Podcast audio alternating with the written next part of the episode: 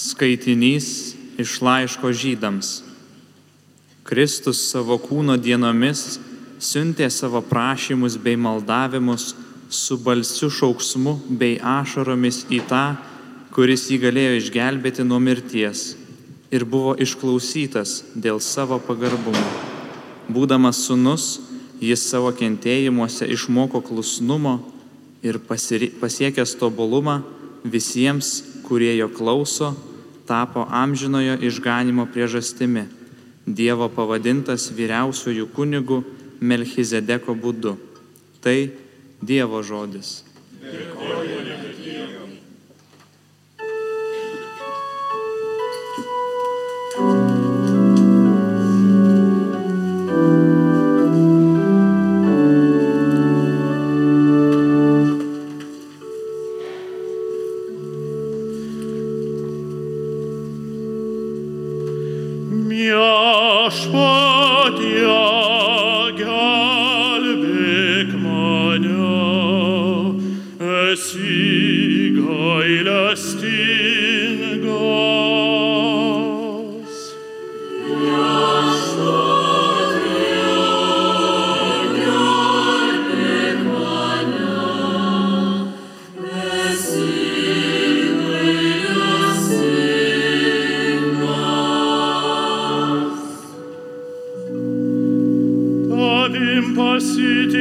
Dieve ir amžiais nebūsiu apviltas.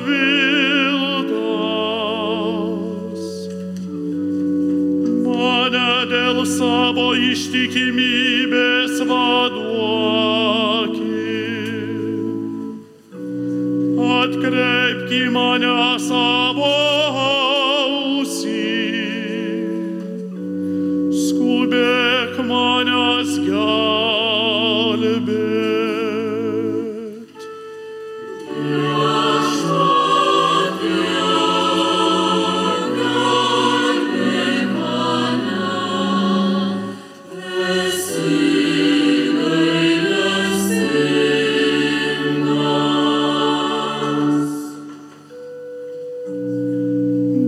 manuala leptis pavojoj, gelbėtis galinga tvirtovė.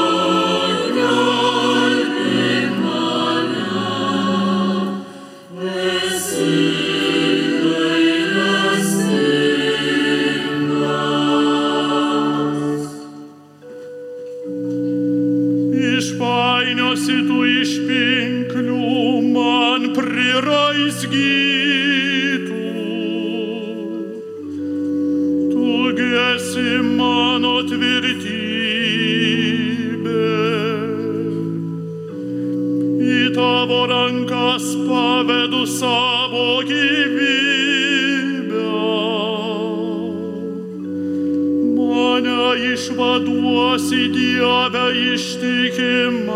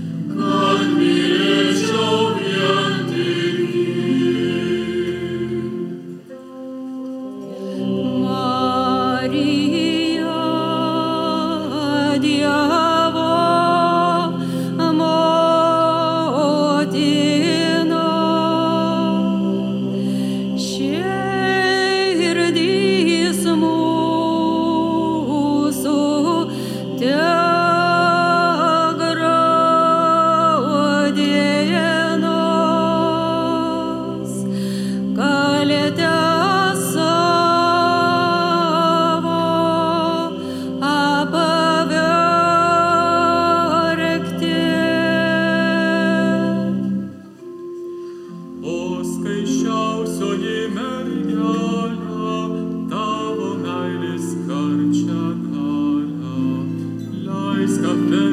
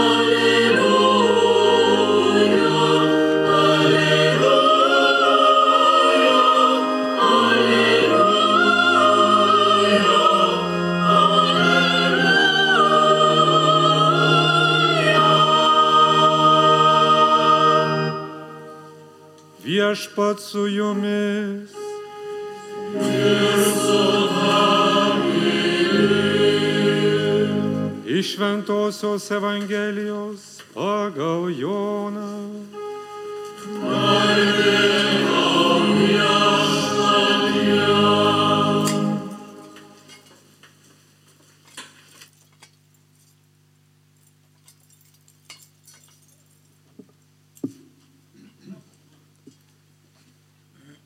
Prie Jėzaus kryžiaus stovėjo jo motina, jo motinos sesuo Marija Kliopienė ir Marija Magdalietė. Pamatę stovinčius motiną ir mylimą į mokinį, Jėzus tarė motinai, moterie, štai tavo sunus. Paskui tarė mokiniui, štai tavo motina. Ir nuo tos valandos mokinys pasijėmė ją pas save. Tai viešpaties žodis.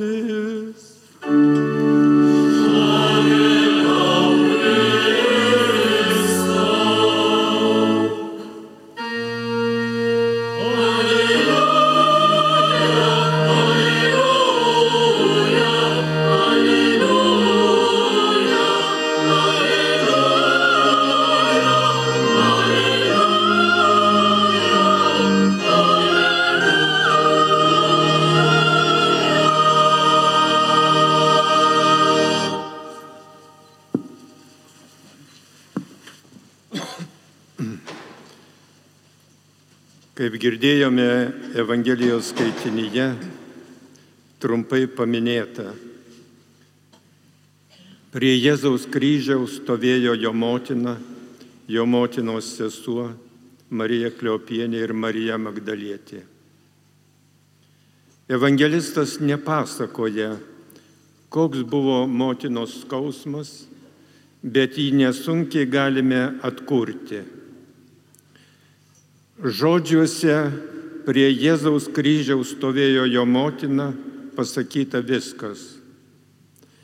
Marijos skausmą po kryžiumi turbūt geriausiai galėjo atjausti Lietuvos partizanų motinos, kurios matydavo ant gatvės numestus, nužudytus ir išniekintus jų sūnus. Apaštalas Jonas užrašė, ką Jėzus pasakė prie kryžiaus stovinčiai motinai Marijai. Jėzus tarė motinai, moterie štai tavo sūnus. Paskui tarė mokiniui, štai tavo motina. Jėzus savo motinos globai pavedė po kryžiumis stovėjusi mokinį Joną. Šis mokinys atstovauja visą tikinčiųjų į Kristų bendruomenę, atstovauja kiekvieną iš mūsų. Taigi paties viešpaties Jėzaus mes esame atiduoti motinos Marijos globai. Marija stovėdama po kryžiumi tapo mūsų visų motina. Marija tobulai vykdė sūnaus įpareigojimą per visą bažnyčios istoriją.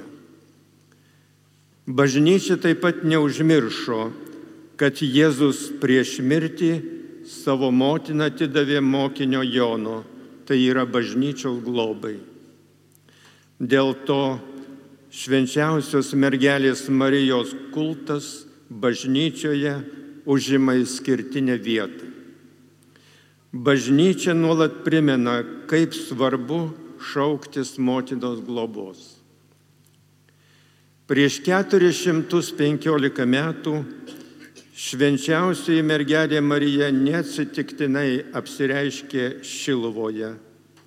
Ji vykdė jai patikėtą misiją ir priminė, kad toje vietoje, kur jie apsireiškė, buvo garbinamas jo sūnus, o dabar tik ariama ir siejama.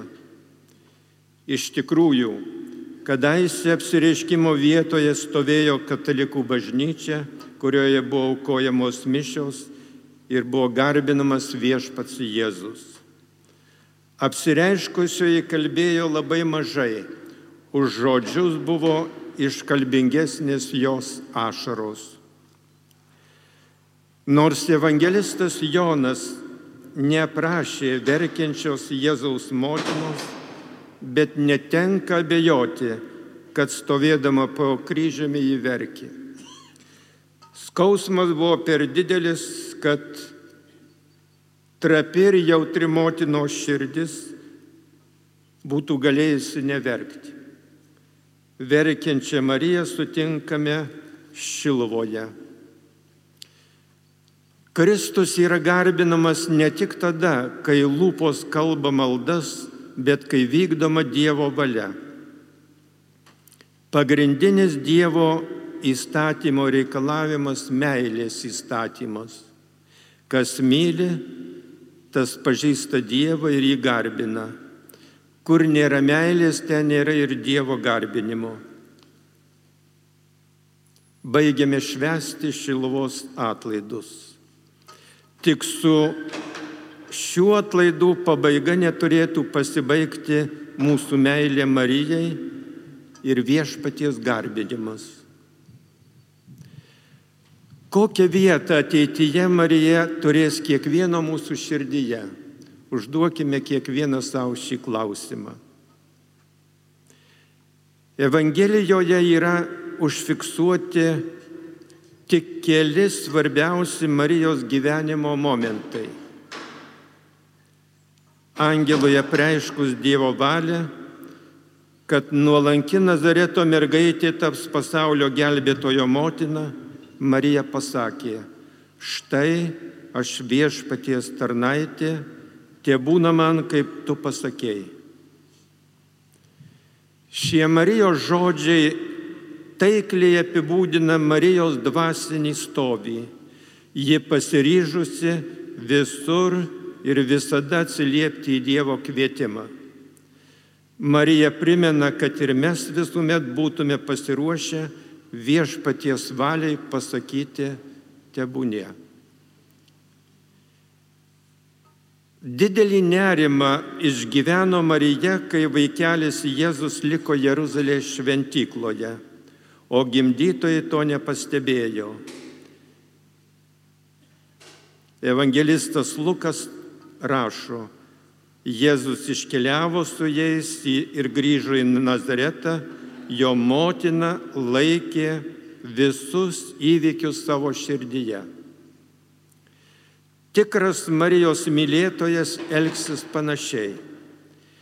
Tai, kas vyks jo gyvenime, svarstys savo širdyje ir taip pat visais atvejais, sunkiais ir džiaugsmingais, sakys Dievui, tiesie tavo valia. Evangelistas Jonas yra užrašęs Marijos žodžius ištartus Galilėjos kanoje. Darykite, ką tik jis jums lieps. Darykite, ką lieps mano sūnus. Šie žodžiai tiesiog spinduliuoja begaliniu Marijos pasitikėjimu savo sūnumi. Šis pasitikėjimas subrendo per ilgus gyvenimo metus Nazarete. Šis paraginimas turėtų skambėti kiekvieno Marijos sekėjo širdyje. Darykite, ką tik jis jums lieps. Tai yra, būkite klusnus Jėzaus paraginimams, kuriuos išgirsite, skaitydami šventą įraštą, melzdamiesi savo kambarėlyje ar bažnyčioje. Užbaigiant šilvos atlaidus, norėčiau visus paraginti tęsti dvasinę draugystę su Marija Šventojo Bernardo žodžiais. Marijos vardas reiškia jūros žvaigždė. Tu, kuris supranti, kad veikiau blaškais iš šio pasaulio tvane tarp vietrų ir audrų, nei vaikštai žemė, nenukreipk akių nuo šios žvaigždės spindėjimo, jei nenori būti paskandintas vėtrų. Jei pakiltų gundimo vėjai, jei užplauktum ant sielo vartų uolų, žvelk į žvaigždę šaukės Marijos. Jei tave mėto puikybės, garbės troškimo, pavyduliavimo bangos, žvelk į žvaigždę šaukis Marijos. Jei sielos valtelė blaškys įsiūtis ar godumas, ar kūno vilionės, žvelg į Mariją. Jei tave gazdina nuodėmių gausa, trikdo nešvari sąžinė, baugina teismo siaubas, jei bando įtraukti liūdėsio pragarmė, nevilties bedugnė, mąstyk apie Mariją. Jie sekdamas nenukrypsi iš kelio, jos prašydamas nenusivilsi, apie ją mąstydamas nepasiklysi, jos laikydamasis neparpulsi, jos globojamas nebijosi, jos vadovaujamas nepavargsi, jos užtariamas pasieksi tikslą ir pats patirsi, kad pelnytai apie ją pasakyta, o mergelės vardas buvo Marija. Amen.